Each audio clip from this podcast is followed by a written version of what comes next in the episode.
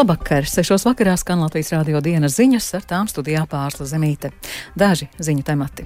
Sājuma mēneša laikā plāno pieņemt lēmumu par Maskavas nama pārņemšanu. Saharova balvu piešķirtā maksai Aminī un Irānas sieviešu kustībai sieviete dzīvība brīvība.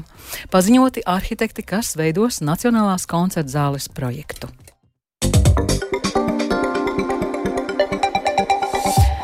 Saimā apstiprināšanai jau janvārī virzīs likumu par tā saucamā Maskavas nama pārņemšanu valsts īpašumā. Likuma projektu plānots virzīt steidzamības kārtībā, taču nama pārņemšana nav arī gluži bez šķēršļiem, jo ēkai iekrāti nodokļu parādi.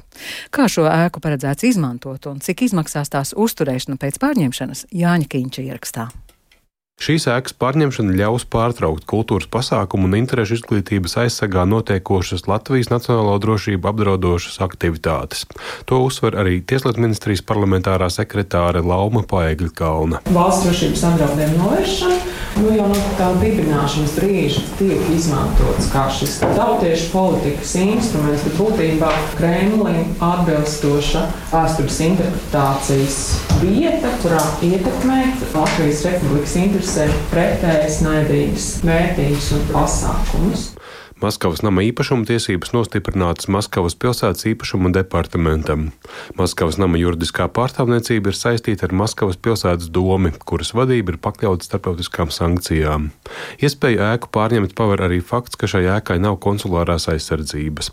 Ēka atrodas uz satiksmes ministrijai piedarošu zemes gabalu, un likumprojekts paredz izveidot vienotu nekustamo īpašumu ar zemi un ēku. Pēc likuma pieņemšanas ēka būs jāatbrīvo gan no tur esošajām mantām, gan citur jāpāreģistrē reģistrē dažādas organizācijas, kā Krievu Biljardu federācija, Krievu sabiedrība Latvijā un citas. Pret šo plānu valstī pārņemt Maskavas namu iebilst Saimas aizsardzības komisijas deputāts Edmunds Ziltiņš no Latvijas pirmajā vietā. Pārņemot viena nama atslēgas, nevarēšot cerēt izskaust pretvalstiskas aktivitātes, vērtē deputāts. Pret viņa teikto iebilda Nacionālās drošības komisijas deputāts Jānis Dombrava no Nacionālās apvienības. Visā Latvijas teritorijā viss, kas pieder Krievijai, viss īpašums ar vienu reizi arī atsevinam, bet nevis tagad uh, certam kaķim astu pa gabaliem. Svarīgi ir atrast ļoti skaidru precedentu, un šis precedents ir Latvijas gadījumā Maskavas nams. Es neizslēdzu iespēju, ka mūsu piemēram sekos ļoti daudz Eiropas valsts. Ēku iecerēts izmantot palīdzības sniegšanai Ukrainai un Ukraiņiem. Pārņemot ēku, no valsts budžeta varētu nākties sekt 36 tūkstošus eiro lielu parādu, tajā skaitā par zemes nomas maksu un nekustamā īpašuma nodokli. Savukārt ēkas uzturēšanas izmaksas gadā lēstas ap 400 tūkstošiem eiro. Izstrādāto likumu atbalsta arī valsts drošības dienests un satversmes aizsardzības birojas. Jārēķinās ar Maskavas reakciju saistībā ar šīs ēkas pārņemšanu, taču Latvija jau ilgāku laiku saskars ar hibrīdu kara izpausmēm. To norāda Saimas Nacionālās drošības komisijas vadītājs Ainars Latkovskis no jaunās vienotības. Saimas plenārsēdē pirmajā lasījumā likumu par tā saucamā Maskavas nama pārņemšanu plānots skatīt jaunadēļ, bet galīgajā lasījumā janvāra otrajā nedēļā. Jānis Kincis, Latvijas radio. Latvijas iniciatīvu aizliegt Krievijas graudu importu Eiropas Savienībā atbalsta Eiropas komisijas lauksaimniecības komisārs. Par jautājumu nozares ministri vēl diskutēs, bet gala lēmums būs jāpieņem valstu vadītājiem Eiropadomē. Latvijā no Krievijas šogad ievestas jau ap 400 tūkstoši tonnas graudu, bet pat laban nedz Eiropas Savienības, nedz Latvijas normatīvi neierobežo pārtiks produktu ievešanu no Krievijas un to tālāku izplatīšanu dalībvalstīs. Plašāk Sinti Ambote. Briselē Eiropas Savienības lauksaimniecības un zivsaimniecības ministru padomes sēdē izskatīts Latvijas rosinājums aizliegt Krievijas graudu importu Eiropas Savienībā, bet vienlaikus saglabāt šīs produkcijas pārvadājumus tranzītā, lai neciestu nabadzīgās valsts ārpus Eiropas Savienības.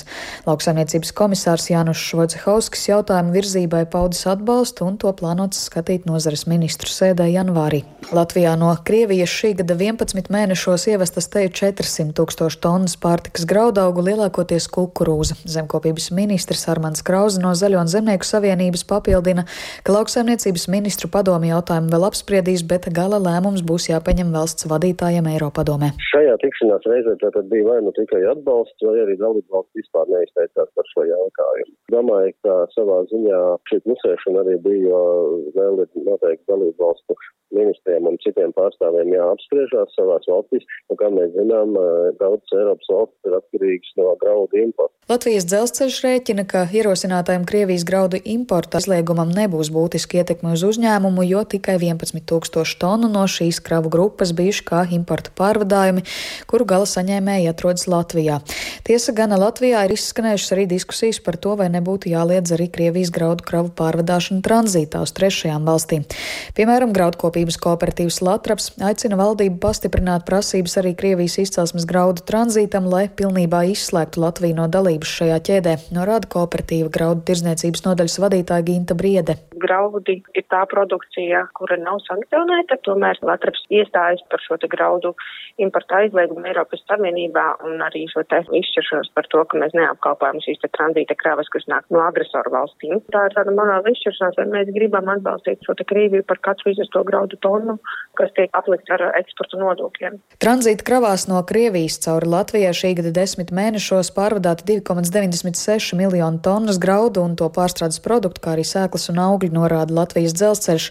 Un tas veido te 25% no Latvijas dzelzceļa meitas uzņēmuma LZ Cargo kopējā pārvadāto kravu apjomu šajā periodā. Satiksmes ministrs progresīvo pārstāvis Kaspars Briškens portālā X jeb Twitter paudis, ka kritiski raugās uz Latvijas dzelzceļa ilgstošo atkarību no Krievijas tranzīta kravām un ka ir pienācis pēdējais laiks pārorientēties.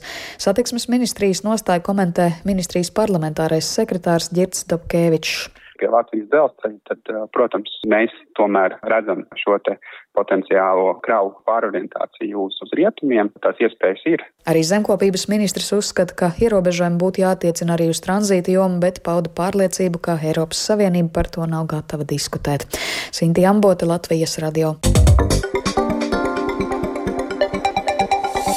Krievijas karaspēks visticamāk turpina saskarties ar problēmām, dodoties kaujās naktīs tumsā, tā teikts jaunākajā Lielbritānijas aizsardzības ministrijas izlūkošanas ziņojumā. Saskaņā ar publicēto informāciju par šādu tendenci liecinot daudzi Krievijas karavīru ziņojumi. Turpina Rustām Šukūraus. Britu izlūki ziņo, ka kāds sociālo mediju lietotājs, kurš apgalvoja, ka ir krievu karavīrs, kurš karo Hersonas apgabalā, vērsa uzmanību uz nakts redzamības ierīču un speciālo bezpilota lidaparātiem paredzēto kameru trūkumu. Nakts redzamības ierīces bieži parādoties aprīkojuma sarakstos, ko Krievijas vienības pieprasa savām ģimenēm un kara atbalstītājiem. Ukrainas karavīri bieži ir aprīkoti ar starptautisko partneru nakts redzamības ierīcēm, atzīmē Britu izlūki. Tāpat izlūki norāda, ka problēmai iespējams ir arī kultūras elements, jo Krievijas militārajās mācībās uzsvars netiek likts uz nakts mācībām. Tā vietā koncentrējoties uz dienas gaismā aizvadītajiem pasākumiem, lai atstātu iespaidu uz vecākajiem virsniekiem, teikts Britu izlūku ziņojumā. Eiropas parlamenta Saharova balva piešķirta policijas apcietinājumā mirušajai irānietei Maksai Aminī un Irānas sieviešu kustībai Sieviete dzīvība brīvība. Aminī piešķirto balvu saņēma viņas ģimenes advokāts, jo Irānas varas iestādes aizliedz izbraukt no valsts Aminī vecākiem un brālim. Savukārt kustības Sieviete dzīvība brīvība vārdā balvu saņēma Mercedeha Šahina Kara un Afsūna Nadžafī. Viņas protestu laikā ieguva smagas traumas un bija spiestas pamest Irānu. Nadžafī norādīja, ka viņas cīņa nav galā. امروز که اینجا ایستادم به عنوان زنی معترض و نماینده زنان ایرانی هستم که از حکومت Mēs šeit pārstāvam visas irāņu sievietes, un mums ir apnicis Irānā valdošais režīms. Es protestu laikā zaudēju aci, bet es turpinu savu cīņu, un man līdzīgi domājoši cilvēki turpina cīnīties. Mēs esam izvēlējušās cīnīties pret islāma režīmu. Mēs tāpat kā sievietes citās pasaules valstīs tiecamies pēc brīvības. Mēs vēlamies dzimumu līdztiesību. Mums ir liektas mūsu pamatiesības. Islāma republika nepārstāv Irānas tautu, un es un cilvēki kuri protestē, mēs esam Irānas tautas balss. Eiropas parlamenta prezidente Roberta Metsola paziņoja, ka Irāņi ar savu rīcību ir iedvesmojuši cilvēkus visā pasaulē, un šī gada balva ir veltīta visām drosmīgajām un nepakļāvīgajām Irānas sievietēm, vīriešiem un jauniešiem, kuri par spīti arvien pieaugušiem spiedienam turpina cīnīties par pārmaiņām.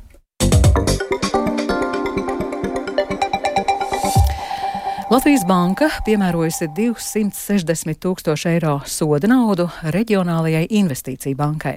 Finanšu un kapitāla tirgus komisija pērni pārbaudē konstatējusi atsevišķus iekšējās kontrolas sistēmas darbības trūkumus un nepietiekamu augsta riska klientu no augsta riska valstīm izpēti un to darījumu uzraudzību. Tagad noslēgts administratīvais līgums, kas paredz, ka reģionālā investīcija banka veiks tiesiskos pienākumus saistībā ar noteikto normatīvo aktu prasību ievērošanu un iekšējās kontrolas kontrolas sistēmas uzlabošanu. Tiesiskos pienākumu izpildi uzraudzīs Latvijas Banka. Nacionālās koncerta zāles, jeb Rīgas filharmonijas projekts, pārbūvējot Rīgas kongresu namu, uzticēts personu apvienībai Marka arhitekti un Mailītis un labie koki. Baltijas mirdzums tāds ir uzvarējušā meta nosaukums. Par projektu un uzvaru stāsta autori Austris Mailītis un Jānis Sauka augstvērtīga modernisma arhitektūra, un tas arī ir arhitektūras mantojums. Bet, jā, protams, tur ir kaut kāds drusku ceļš kādai paudzei, jo tur ir, nu, nāk līdzi tas, ka tas, tas tomēr ir kongresa nams. Tad mēs kaut kā centāmies viņu atvērt. Tas ir numur viens. Tas ir tas viens pret parku un pret, pret pilsētu. Pret parku un pilsētu, pret laukumu, jā. Pirmā stāva fasādi veidojot no stikla. Mēs iztēlojamies, jā, gaišu un mirdzošu vietu mūzikai. Un, savukārt iekšpusē akus akustika ir bijusi arī žūrijai viena no svarīgākajām lietām. Mums, veidojot akustikas koncepciju, tad iekšā zāles, bija svarīgi, lai tās ir dabiski skanīgas. Sasniegušais sniegs radīs un turpinās radīt arvien bīstamākas situācijas koku un to zaru lūšanas dēļ. Sniegliece un tai sekojoša snieglauze var apdraudēt gan autobraucējus, gan mežā gājējus, tā brīdina sinoptiķi un lielāko meža īpašnieki. Tā kā netiek solīts stiprs vējš, tad sniegs zaros uzkājas vēl vairāk. Latvijas valsts meža pārstāvis Tomas Skotovičs stāsta, ka pašlaik šī problēma īpaši skar mežus vidzemē.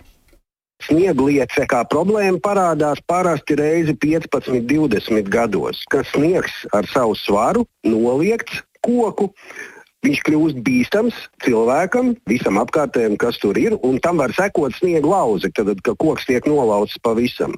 Vislielākā problēma tā, protams, ir ap ceļiem. Protams, kā arī meklējot eglīti šobrīd, arī ir jāsako, lai nav kāds bīstams koks, kas jums var uzkrist. Atkusnim sākoties, tas sniegs sāks krist nost, bet vidzemē pašlaik tādu īstu dziļu atkusni pagaidām tā kā nesola. Un vēl Sājumas izglītības, kultūras un zinātnes komisija šodien atbalstīja sporta apakškomisijas vadītāja Dāvja Mārtiņa Daugaviešu no jaunās vienotības priekšlikumu, kas paredz Latvijas izlasēm aizliegt spēlēt pret Krievijas vai Baltkrievijas valstu izlasēm neatkarīgi, vai tās piedalās sacensībās zem sava karoga vai neatri, ne, neitrālā statusā. Tas varētu kļūt aktuāli Latvijas futbola izlasēm, kurām līdz šim izdevies sekmīgi izvairīties no tikšanās ar Baltkrievijas valstu vienībām, kuras joprojām piedalās UEFA sacensībās. Deputāts Česlavs Klaus Baķņa, paužot apvienotā saraksta pozīciju, rosināja priekšlikumā iekļaut arī individuālus sportistus, paredzot, ka agresoru valstu sportisti nevarētu piedalīties individuālo sporta veidu sacensībās Latvijā. Taču Daugavietis aicināja deputātus konsultēties ar sporta nozari, noskaidrojot, vai vispār ir nepieciešams šāds regulējums. Viens ir šī stāja, es tam piekrītu, bet es šobrīd pat runāju tieši par individuāliem sporta veidiem. Tad es lūgtu apvienotās sarakstu kolēģiem nosaukt sacensības, kurās šovasar vai pirms tam ir piedalījušies individuālās sacensībās Krievijas vai Baltkrievijas sportisti Latvijas teritorijā. Ja šobrīd specifiski nevaru atsaukt atmiņā nevienu gadījumu, jo mēs šobrīd šo te likumu, kuru mēs varam pieņemt un kurš tiešām ietekmē šo reālo situāciju, kas ir aktuāli, kur ir lūgums no Latvijas Futbola Federācijas to pieņemt pēc iespējas ātrāk, lai viņiem ir argumentācijas ar starptautiskiem starptautiskajām organizācijām, mēs viņus cenšamies sarežģīt, izvērst sarežģītākas diskusijas. Jūs vienkārši zināt, ja tas ir aktuāli un mums ir reāli piemēri, kur kāda federācija plus sportisti ir saukuši to, ka ir bijusi šāda situācija. Labi, ok, ejam šajā diskusijā dziļāk. Un ar to izskalantīs radio dienas ziņas producents Viktors Pupiks ieraksts montēja Renāša Steimanis par labskaņu rūpējās Katrīna Bramberga, ar jums runāja Pārsla Zemīte. Yeah. Latvijas vidas geoloģijas un meteoroloģijas centrs informē Rīgā pat labāk 0 grādu dienvidrietumu vējš 1 m2, gaisa spiediens 756 mm, gaisa relatīvais mitrums 95%. Bet kāds laiks gaidāms turpmāk, prognozēja sinoptiķe Ilze Golubeva. Trešdien debesis lielākoties aizklās mākoņu un daudz vietas sniegs. Vietām gaidāms arī sasalstošs lietus. Atkal līdz ar to autovadītājiem jārēķinās, ka ceļi būs slideni. Pušot lēnam vējam, atsevišķos reģionos veidosies migla un gaisa temperatūra naktī pazemināsies līdz 0,4 grādiem, bet dienā tā būs mīnus 2,2 grādu robežās. Līdzīgi laikapstākļi gaidām arī turpmākajās dienās. Gaisa temperatūra vēl pazemināsies zem 0 grādiem, tomēr jau nedēļas izskaņā visā valstī sagaidīsim atpūsni.